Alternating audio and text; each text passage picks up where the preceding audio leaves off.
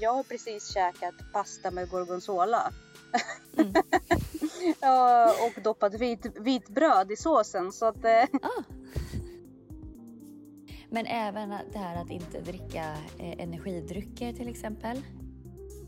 Och det som kloggar den här processen är ju då eh, sockerkickar mm. och socker överhuvudtaget. Per definition, man är inte sportig om man röker. Alltså då, då är man skensportig.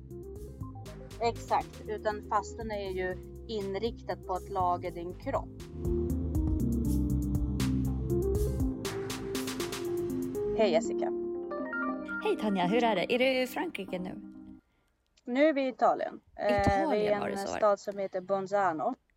Uh. och vi har precis anlänt och vi har mm. haft världens oflyt för vi skulle ha varit här Nej. egentligen i onsdags. Idag är det fredag eller till och med tisdags. Men vår bil gick ju sönder två gånger på vägen. Nej. Uh, ganska rejält. Så ena gången var det i Linköping så då återvände vi och hela vägen hem och väntade på att den skulle bli lagad. Blev mm. av med biljetter till färjan.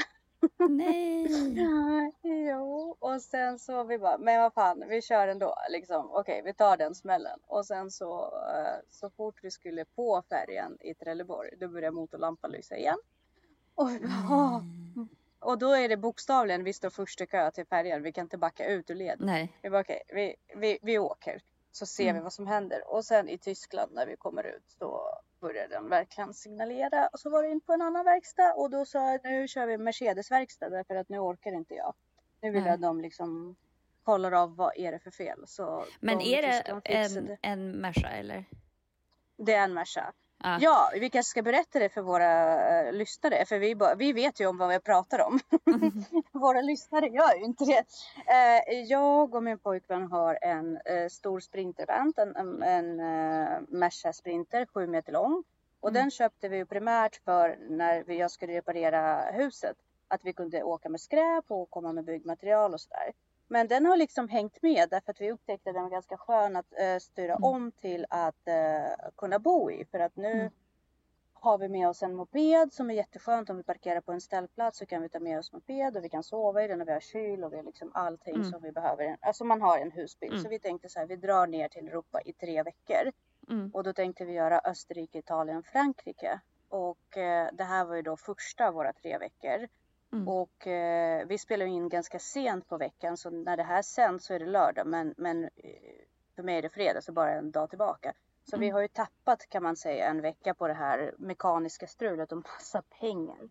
Mm. Tyvärr. Men eh, vi är ändå här, vi kom i mål, vi gav inte upp på något ja, sätt. Men Tyskland är ju liksom, det är ju the shit alltså, bilar. Det vet jag när min brorsa han eh, säsongade i Chamonix och då hade de också mm. en, en, en Mercedes som gick under namnet Gröna Faran. Eh, men, och det, det, den fick nog namnet efter att när de var på väg hem så slutade bromsarna att fungera på autobahn. Oj!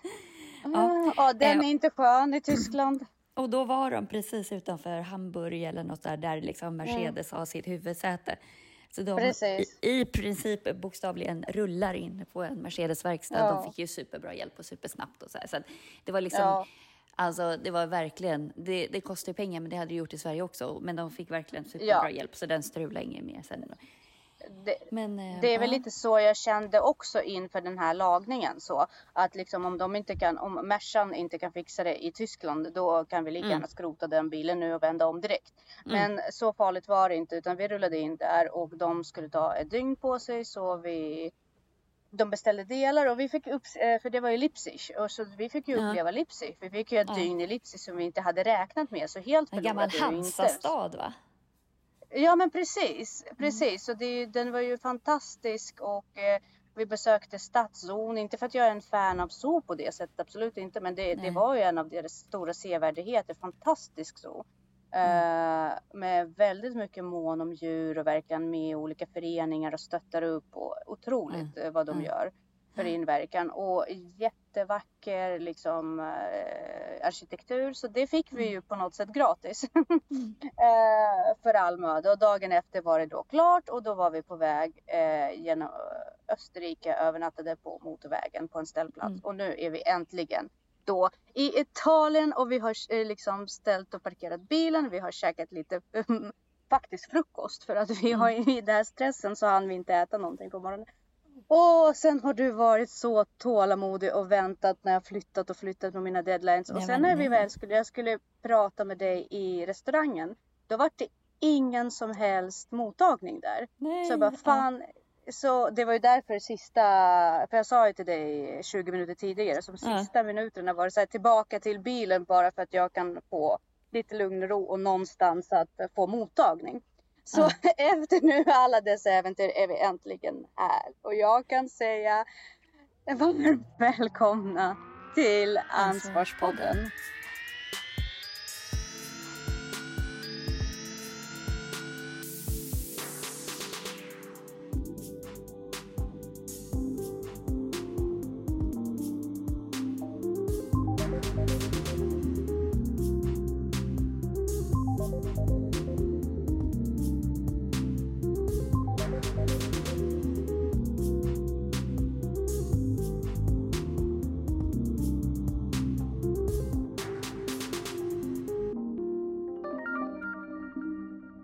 Ja men härligt. Gud. Ja. Ja, ja. ja. Jag har inte haft det så där kaosigt. Eh, våra resor har ju gått ganska bra. Vi var ju som sagt nere i Göteborg och tittade på Bruce Springsteen och nu är vi ute i skärgården och mm. Eh, allt har gått som smort. Ja, och det tycker jag är super, super skönt. Och jag håller med om att sådana semestrar är ju eh, det man väljer och det är så jag skulle planera det. Men jag tror att i och med att Paul är så pass mycket yngre och jag har aldrig egentligen äventyrat i mitt liv. Jag har inte gjort hela den grejen när jag var tonåring egentligen. Så hela den här lite Nej. rastlösa resande där man inte vet vart man hamnar, lite där eh, oplanerade, det har jag aldrig gjort. Det är superläskigt. Jag blir ju väldigt rädd och upprörd och liksom eh, uppgiven. Men jag lär mig med tiden också hur jag ska kontrollera mig. För framförallt att jag inte ska brusa upp, tappa humöret, vara otrevlig. Alltså, och det är en fantastisk resa för mig och Paul också att lära känna varandra i de här krissituationerna. För det blir riktigt mm. krisigt ibland. Och vi blir ju skitarga. Men det är mitt värsta. Det är därför jag inte tycker om att resa. Ja. För att jag, mina två största mm. ångesttriggers är ovisshet och oförutsedda utgifter. Och det är ju typ vad det innebär att resa. Mm, exakt, exakt. Och det är verkligen det eh. vi har konstant blivit utsatta för. Ja. Däremot är det ju rätt, det är faktiskt fantastiskt skönt att resa med Danne för att eh, då har typ vi gjort så att så här, jag behöver inte bry mig om någonting. Alltså han, mm. han sköter allt. Och då är även fast vi får så här mejl och bara nej tyvärr, eran flight från eh, mm. typ eh, Seychellerna till Doha är inställd. liksom så här, ni kommer inte hem. Så jag så här, ja, ja det där löste han, det är lugnt. Så här, det där löste mm. sig, han löser allt. Så att det är liksom, då kan man så vila i det. Då, det då behöver man liksom inte få... Men jag får ju mm. ångest mm. om bagaget är borta eller alltså jag får ångest för allt. Ja, ja och eh, jag, jag får framförallt ångest om jag inte får mina grundläggande behov. Jag behöver mm. sova när jag är, jag är, trött, äta när jag är hungrig och gå på toa mm. och duscha. Liksom sådana saker. Duscha kan jag skippa faktiskt, men gå på toa och sådana, alltså du vet. Så när tiden mm. börjar gå ihop och jag inte får lägga mig, då fattar alltså mm. då, det är där vi hamnar just nu. Det är olika mm. för olika människor. Jag stänger verkligen av. Jag kan inte prestera. Medan Paul sa, men sluta larva dig. Du måste liksom ja. orka fram till, men det går inte. Alltså, det är liksom då, när jag ser, vid, vid, det läget att jag säger till, då är alla skedar slut. så det, ja. och det är att kunna kommunicera under de förutsättningar och hitta vägen till varandra och sådär. Ja, där är väl fördelen med att ha gjort lumpen också, att man liksom ja, bara kör. Ja, alltså ja, så är det. Och jag är ju ganska bortskämd i bekvämlighet överlag. Uh, så att, nej men det här är väldigt utvecklande för mig. Det, är det. Är det. det är en eh, mm. enorm prestation för mig att kunna inte liksom rasa ihop under sådana förutsättningar. Och eh, eftersom jag var beredd på den här resan så har jag också gjort en ekonomisk buffert just för att jag visste att vi skulle kunna råka ut för sådana saker. Så att jag mm. är lite ekonomiskt skyddad. Så även om det svider att lägga ut de summorna som vi har lagt ut mm. nu mm. så känner jag ändå att jag har buffrat upp så det fanns mm. utrymme. Så det känns ju också. Det är någonting jag också har lärt mig. Liksom. Så att, eh, ja. lite så. Eh, men om vi bolla tillbaka till dagens tema eh, ja. så, så skäms jag ju att säga att jag, eh, jag har precis käkat pasta med gorgonzola. Mm. och doppat vit, bröd i såsen. Så att eh, oh. lyssna. Så, så jag, jag har inte lärt det jag, jag har inte utövat det jag predikat just idag. Men mm. eh, icke desto mindre så eh, är det väldigt, väldigt värdefull information som vi kommer ta upp idag. Mm. Ja, precis. Och vi ska vad, jag tänker vi kan ju börja prata om det här med eh, autofagi. Ja, uh, och det kan ju du säkert förklara bättre än vad jag kan, men man, man utgår ifrån att det är när cellen börjar uh, göra rent, alltså och, och återstabilisera sig och, och gå in i någon sort av uh, omformateringsläge. Defaultläge. Mm, ja, men, ja men precis att man eh, autofagi betyder ju typ så här äta sig själv. Eh, mm. Och det är liksom att, att kroppen gör sig av med nedbrutna celldelar. Eh, mm när, när det inte finns tillräckligt med energi i systemet för att upprätthålla dem. Mm. Så att celler är ju programmerade att dö efter ett antal celldelningar och så, där, så att man, man städar upp kroppen. Liksom. Um, men sen så, mm. den blir ju sämre och sämre på det. Och det här gör ju att, att kroppen fungerar sämre mm. och sämre också om inte den här autofagin funkar som den ska, att, att ersätta de här gamla cellerna som, som har dött. Liksom. Precis. Eh. Och det som kloggar den här processen är ju då eh, sockerkickar mm. och socker överhuvudtaget och insulinpikar eh, liksom. Och eh, därför att då kan cellen inte ägna sig åt att rensa upp utan den är tvungen att fokusera dels på att utilisera socker och eh, balansera mm. ut insulinet. Och dels för att dämpa de inflationen, mm. äh, inflammationerna, mm. vad jag förstår, som finns i kroppen utifrån Precis. att det är så mycket socker. För att eh, socker matar inflammation. Precis, och det handlar ju om, om glukagonet kontra insulinet. Så att när insulinet sjunker så höj, höjs Exakt. glukagonet och tvärtom. Därför gynnas ju autofagin av att man fastar. Så det, det gör ju att kroppen mm. kan optimera sig själv på ett bättre sätt.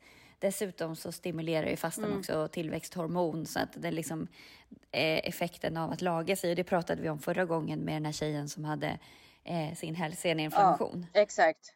Uh, som gick, uh, den, den reparerade sig själv efter fem dagar av vattenfasta liksom. Mm. Så att, uh, och så, hon har inte haft några problem sedan dess. Och jag tänkte att det var väldigt bra att gå in och verkligen grotta i det här därför att återigen om vi går tillbaka till det holistiska synsättet och att eh, leva så att man slipper mm. sjukdomar och inte ta hand om sjukdomar i efterhand. Mm. Då pratar vi väldigt mycket om att om man, om man gör, drar en analogi med en dator. Man ska inte låta datorn stå på hela tiden. Mm. Den ska ju också mm. uh, stängas ner och startas om. På samma sätt, sätt är det för kroppen och kroppen gör det bäst genom uh, att man rensar ut den på mat. Mm. Därför då behöver inte den ägna sig åt någonting annat än att reparera och laga sig själv. Uh, och den behöver inte liksom, ta hand om toxiner, näringsämnen på samma sätt som den gör när vi har tillfört då mat. Mm. Så eh, det han pratar om då, eh, Dr. Ekberg, vi har pratat om honom förut också, det är, han, det är att han säger att att gå in i fasta behöver inte vara en dramatisk tillfälle. Nej. Utan det många gör det är att de går från sin vanliga livsstil där de äter tre måltider om dagen och gärna någon mellanmål till att direkt mm. börja fasta och så blir det extremt svårt. Mm. Men det man måste börja med är att gå in i den här processen lite långsamt och för att det här insulindipparna inte ska bli så påtagliga, man ska känna att hungern driver en till vansinne. Att man redan innan man börjar fasta utesluter så mycket socker och kolhydrater som möjligt från kosten så att man börjar preppa kroppen mm. för att klara av den här utmaningen. Mm. Och det är även proteiner som, ja. som förstör den här autofagin också, så att, eller aminosyror. Så att... nej, nej, men jag tänker att för att klara av mm, hungern, mm, då måste man bli kvitt med insulintopparna. Mm. Så att man ger kroppen bättre förutsättningar för att gå in i en fasta och lyckas mm. om man inte är sockerberoende samtidigt. Det var lite så jag menade. Mm. Så innan man börjar utöka sitt, eller minska sitt ätfönster mm. Så är det bra att som prepp börja bli kvitt med sockerberoendet. Mm. För kicka båda in, både hunger och mm. sockerberoende samtidigt. Så det är ett väldigt jobbigt tillstånd. Ja. Precis. Att klara av fasta i. Ja, precis, och att man börjar med att dra ner på saker som sagt. Och, och så. Men även att man får i sig tillräckligt mm. med vätska och mineraler är ändå viktigt i det här. Precis. Och tipset som han ger eh, är ju att dels eh, även om man eh, liksom inte är van vid fasta så måste man liksom prata lite med sig själv om att det här är inte farligt. Nej, det här är liksom okej. Okay. Även om vi är vana vid att det ska ätas hela tiden och vi, det är jättefarligt att inte äta. För att på något sätt matas den normen in i vårt samhälle. Mm. Så, är, så måste man ha den psykologiska aspekten också. Att så här, jag håller inte på att svälta mig själv och även om några reagerar i omgivningen och säger men du bara svälter dig själv. Det är inte sant. Utan mänskliga kroppen behöver mycket, mycket mindre mm. mat än vad vi konsumerar idag. Och det är absolut inte onyttigt Nej. att fasta utan tvärtom. Däremot så ska man ju som sagt göra det inte från det ena till det andra. Alltså, idag äter du pizza och socker och glass och imorgon ska du börja fasta. Det är en dålig ingång. Ja, Ja, det är, som sagt, det är det vi har pratat om tidigare. Det viktiga är vad du gör största delen av tiden. Så att det måste ju ändå... Fastan är ju ingen kompensation för andra saker. Exakt, utan fastan är ju inriktat på att laga din kropp. Så mm. att eh, om du brottas med insulin, eh, för låg insulinhalt, trötthet etc. Att, att kroppen känner sig chockad, då går du knappast in i den eh, typen av läkningsprocess som, som egentligen krävs eller som du är ute efter utan då chockar du bara kroppen mm. mer. Liksom, utan kroppen måste vara beredd på det här. Och jag kan säga att efter de senaste poddarna som vi har haft så har jag varit jättenoggrann med att hålla ett, eh, ett mindre ätfönster och jag ligger på ungefär mellan 16 och 17 timmar just nu. Mm. Och det har funkat otroligt bra för mig. Jag känner mig jättebra. Nu, har mm. jag, nu sitter jag här eh, full av kolhydrater och säger det. Men eh, det är faktiskt första gången på några dagar. Mm. Uh, ja, men jag tänkte precis jag fråga det. Så här, hur, hur tänker du kring det här? För du har ju varit lite sådär rädd för fasta. Ja, nej, men det, det har funkat mycket, mycket bättre när jag inte känner den här uh, otroliga hungern. Och det gör inte jag när jag har uteblivit socker. Så när min sockerbalans har mm. uh, blivit jämn, ja. när jag uteslutit socker och detoxat mig från socker, vilket jag fortfarande har, även om jag nu har, jag, jag har inte ätit några sötsaker på det sättet, utan ändå försökt hålla det någorlunda. Så tycker jag det har funkat super, super bra. Och jag är mer pigg och energisk och känner mig bättre faktiskt. Än, eh, och mycket mm. mindre groggy. Så det känns bra och det känns också bra att jag har en fast tidpunkt. Alltså jag vet att maten kommer komma. Oftast när man kör de här sväljdieter så blir man aldrig mätt. Mm. Men här i och med att man får äta proteinrik mat och man får man behöver inte tänka på att begränsa mängd till en början på samma sätt. Eh, man kan äta sig mätt. Mm. Så blir det också psykologiskt väldigt mycket lättare att hålla fasta för jag vet att ja, men det är bara fram till den här tiden. Ja, precis. Äta. Ja, precis. Ja. Så det, det känns bra. Så mitt nästa mål är ju då 24 timmars fasta och efter det vill jag faktiskt köra 36 och jag vill försöka öka tills jag klarar 48 timmar och det är en väldigt stor uh, framgång för mig skulle jag säga. Ja men gud, alltså eh, över ett dygn är ju tufft. Ja, men jag tänker ta min tid. Men jag tror att det, det som är skönt att landa på det är den här eh, 16 timmars luckan redan den gör ju väldigt mycket. Och den gör ju väldigt mycket för psyket också, just det att man är van vid att hela tiden gå och kanske småäta någonting och sådär. Mm. Och jag har ju dalat så himla mycket i min i mat och träning så att jag vill ju verkligen nu återuppta mm. det här igen, försöka få det på banan igen. Så att eh, ja, vi får se hur det går. Vi får se hur det går. Och eh, min underbara pojkvän har fastat med mig också vid flera tillfällen. Det är kanske är det som har gjort mm. att vi har ryckt ihop några gånger också. Att vi kanske var för hungriga. eh, men han har stöttat mig i det och eh, vi har lyssnat på Dr. Ekberg tillsammans och det känns verkligen, mm. det är ju ett hjälpmedel att ha dina nära kära på med på den här resan. Verkligen. För jag vet att du har ju, uh, du har ju verkligen påverkat Danne med de här sakerna. Det var någon gång du berättade också att Danne reagerade på, på att hans kompisar åt så mycket. Ja, eller framförallt att de drack mycket öl och liksom Ja, alltså ja. att de började se ganska... Inte tänkte utifrån den här... Nej, men att de också började se ganska ohälsosamma ut. Spännande.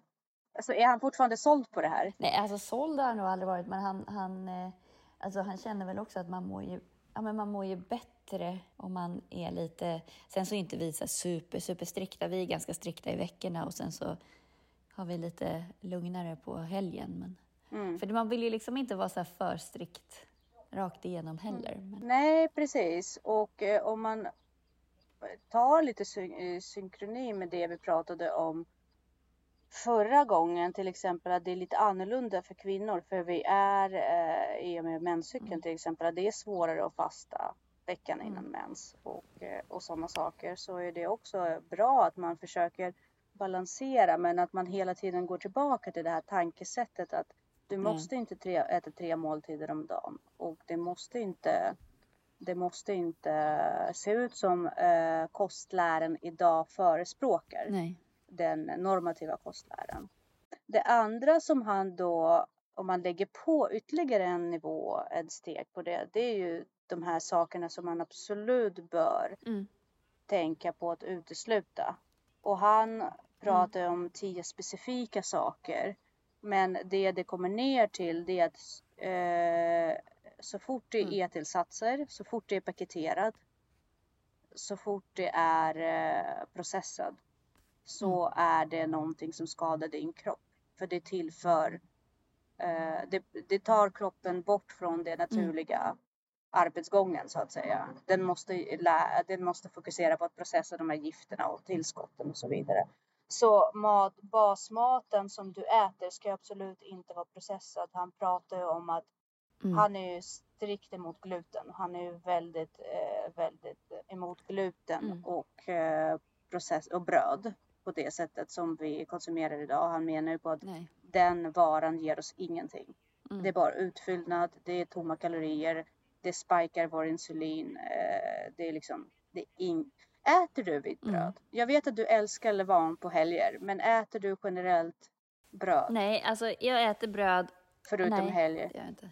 Jag, äter, jag äter ju bröd, mm. alltså, det är mer som så här godis. Alltså det är som en, en bulle eller liksom. Mm. Jag äter inte bröd som en mm. del av så här, jag ska ha kolhydrater Kosten. till. Utan det är mer om jag äter, eh, typ om jag äter skagen macka kanske till mm. förrätt eller så äter jag eh, helgfrukost så tar jag gärna eh, en mm. brödbi, liksom brödskiva och sen kan jag ju fika och ta en bulle. Det är typ det bröd mm, jag precis. äter. Ja. Och det är ju också någonting som man pratar om att viss mat som har börjat ingå i våran kostcirkel är egentligen inte menad att vara eh, inne i kostcirkeln utan den är menad att vara på utkanten av kostcirkeln som mm. snack just eller som han pratar om USA där chips anses mm. vara mat. Medans eh, han säger så att det här är ju någonting som vi, vi, har, jag har alltid ansett vara snack någon gång i mm. livet liksom. Det är ingenting vi, vi, vi som ska ingå i Nej. dieten liksom, på något sätt. Så där är han ju också väldigt tydlig med att eh, gör skillnad på det du äter ibland som att unna mm. dig själv och mat som ingår i mm. vardagen. Så att det här med clean mm. week eller hålla vardagarna mm. Rena och väldigt mm. basala är ju en mm. grej. Verkligen. Nej men precis. Att, och, ehm. men det, är ju, det återkommer ju hela tiden och du behöver få i dig ordentligt med grönsaker eh, och gärna fermenterat. Eh, undvik socker, mm. eh, undvik processat och e-ämnen och sånt där. Så det, det, är ju verkligen det här clean. Mm. Eh, man kan ju tänka liksom så här, det är klart att man blir vad man äter. Om man stoppar i sig massa konstgjort, alltså kroppen är inte gjord för att hantera det, så det är klart att det blir fel. Exakt, och där pratar han ju också om kött. Och det är ju en, en sak som jag tycker är lite ångestfull därför att ju mer man börjar gå in i det, du har ju också varit inne på det, desto mer man vill utesluta. Mm. Och kött vill han ju också påstå, det är en sån här sak som det är ju verkligen vad man, föder, vad man ger eh, djuren för mm. föda. Men jag kan tänka så här att i första skede, strunta i det. Har du uteslutit väldigt mycket förpackad mat överlag, ge det tid. Det kommer mm. komma. Sen kommer, eftersom man ändrar om livsstilen och lägger om kostnader, det kommer inte kännas som en så stor uppoffring eller, eh, eller budgetfråga. Utan det kommer att komma ganska naturligt. För dels kommer man äta mycket mindre mm. med tiden. Och dels så kommer man ha uteslutit massa andra saker. Så eh, ja, det är jättebra med ekologisk gräs eh, född, eller vad är det det heter, gräsfodrad mm. kött. Men, men det är inte där det börjar utan det börjar på att inte äta kakor i förpackningar, inte, fika till, inte ta fika till varje kaffepaus och utesluta mjölk i varje kaffekopp och sådana saker mm. mer. Och just det här med minska sin, eh, sitt fönster. Exakt. Eh, däremot det man får äta och det man bör äta det är som du sa fermenterad och mycket gröna bladväxter. Exakt. Så persilja, spenat, brock uh, och gröna saker ska du äta. Uh, grönkål, kål överhuvudtaget, allt som är fiberrikt, allt som har mycket färg, mycket grön färg är ju väldigt, väldigt bra att äta. Och uh, ägg mm. som är ju naturens uh, allt i ett förpackning förutom vitamin C. Och eh, där är det nog bra att eh, köpa frigående mm. för kostnaden är inte så stor. Skillnaden är inte så stor mellan vanliga ägg och lite Nej. bättre ägg faktiskt. Inte som med kött. Eh, kommer du ihåg mer från hans bra lista? Oj, att man ska undvika margarin bland annat. Just det. Eh, och margarin, Just det, det ja, margarin göra. är ju verkligen så här, eh, oj oj oj, eh, det är ju bara skit. Alltså det är så, egentligen mm. borde det förbjudas som produkt. Eh, så att, mm. ja, nej det, för det är bara liksom. Precis. Det är för mycket transfetter och det leder till depressioner och, Precis. och så. Att under andra världskriget när man, när man hade mer margarin till exempel så ökade ju depressionerna avsevärt. Samtidigt som depressionen minskar det heter inte Great Depression för ingen anledning. Nej, men liksom. precis. Men, eh, ja, men precis. Mm. Men det, eh, den depressionen, var inte den eh, efter första världskriget, tror jag? 29 där. Jo, det var den. Det var Bush-depressionen. Eh, men, men, eh, men det var ju... Men samtidigt så har man ju sett att, att den eh, psykiska... Ransonerad mat har ju alltid inkluderat ja, precis. margarin. Men samtidigt så ökade ju den psykiska hälsan under krigen för att man fokuserar på väsentligheter. Man har inte tid med de här eh, icke liksom, mm. viktiga sakerna egentligen, eller ilandsproblemen. Ja. Men även det här att inte dricka eh, energidrycker till exempel. Eh. Mm. Och eh, när man går in i fasta, här är bara en liten parentes, så vill man gärna liksom kolla vad er man kan dricka och många vänder sig mot eh, dietdrycker. Mm. Vilket i sin tur eh, inte heller är jättebra. Nej, det kanske inte spikar insulin men det tillför två andra när det bryts ner så tillför det två andra gifter. Eh, nu minns jag inte om det var etanol mm. ja, eller något grejer som den bröts ner i. Aspartam också och alltså det finns ju massa dåliga ja, grejer i dem. Så att medan du försöker rensa din mm. kropp å ena sidan så häller du i dig massa sånt som fortfarande tar dig ifrån mm. det här rensningen därför det är en enorm bomb med färgämnen och bara kemiska tillsatser som egentligen du bör undvika under alla mm. Men särskilt när du mm. fastar. Mm. Och sen, han hade ju massa andra små saker också. Att del i kött till exempel. Alltså såna här härliga små skinkor eller prosciutti mm. och sådana saker. Men även också fruktjuice. Det ska man ju hålla sig borta från under alla omständigheter. Ja, fruktjuice är ju godis ja. som någonting. Det är ju frukt som är berövad verkligen. av fiber. Så det är ju verkligen eh, mm. glukos som, fruktossocker som bara rakt in i blodet. Det spikar insulin som bara den.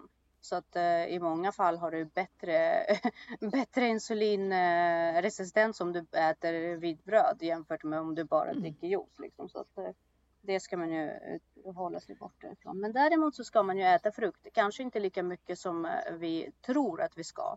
Men, eh, men socker i samband med fruktfiber är inte lika farligt som renodlad och processat socker. Så, mm. Ja, så hur, vi ska, om vi ska avrunda ja. det här då kan vi säga då att det behöver inte vara så Nej. dramatiskt med att börja fasta och tänka på minskade ätfönster.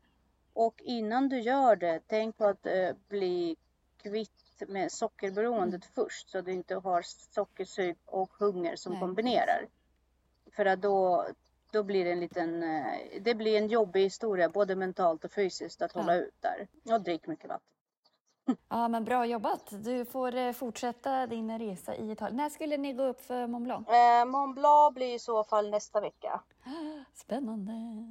Ja, det blir väldigt spännande. Men jag blev ju väldigt inspirerad av det du berättade om att det var en viss person som gick upp dit med en flickvän som uh, rökte, alltså som var en rökare och ändå klarade av det. Så jag blev faktiskt inspirerad av det. Hon, hon hade nog inget val, men eh, det var väldigt mycket, mycket konflikter. Hon var väldigt, väldigt arg. Och, eh, ja, jag förstår så det. det var, inte, det var ingen trevlig upplevelse. nej, nej.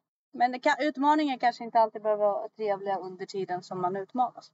Nej. Men hon har något att komma ihåg i alla fall. Exakt. Jag, till, till saken hör att de, det höll inte så länge den relationen. alltså, Mont Blanc gjorde, upp, uppfärden för Mont Blanc gjorde att de gjorde slut helt enkelt. Ja, men han, han är så söt. Han bara, men jag bara, hur kan man ta med en rökandes person upp för Mont Blanc? Så här. Han bara, men, men hon var ju så sportig och så. Man bara, fast per definition, man är inte sportig om man röker. Alltså, då, då är man skensportig. Man kan tycka om att röra, liksom, men du är aldrig sportig om du röker. Nej. Alltså så här, även nej, Patrik Sjöberg nej. som, som eh, tar eh, VM-guld och röker, ja. han är inte en sportig person. Alltså. Nej, nej, han har bara väldigt bra anlag för det han gör liksom. Ja, Men, och sen så, eh, eh sen, så, så liksom, det beror, fast i och för sig det beror på vad man lägger i det. För mig är en sportig person någon som har hög lungkapacitet och är stark. Mm. Liksom. Så att, ja. Någon Precis. som klarar extrema utmaningar. Det är en sportig person. Exakt. Man är inte sportig det. om man är ute och joggar två gånger i veckan eller om man nej, nej, då är man eh, väl mer en så här vardagsmotionär. Ja. Men, men du får återkomma huruvida du är sportig eller åter... inte. Ja, precis. Det återstår att se och höra om bilen håller ihop, om jag håller ihop på Mont Blanc. Om mm. vi får till en nästa podd, vem vet? Det Lyssna vi. på oss. Nej, ja, det gör vi. Från toppen av Mont Blanc kanske. Ja, Men eh, vi får höras igen nästa vecka. Ja, kanon. Ha det så bra. Jag säger Detsamma. ciao. Ja, hälsa Paul. Absolut, och hälsa hela familjen. Mm. Hej. Hej.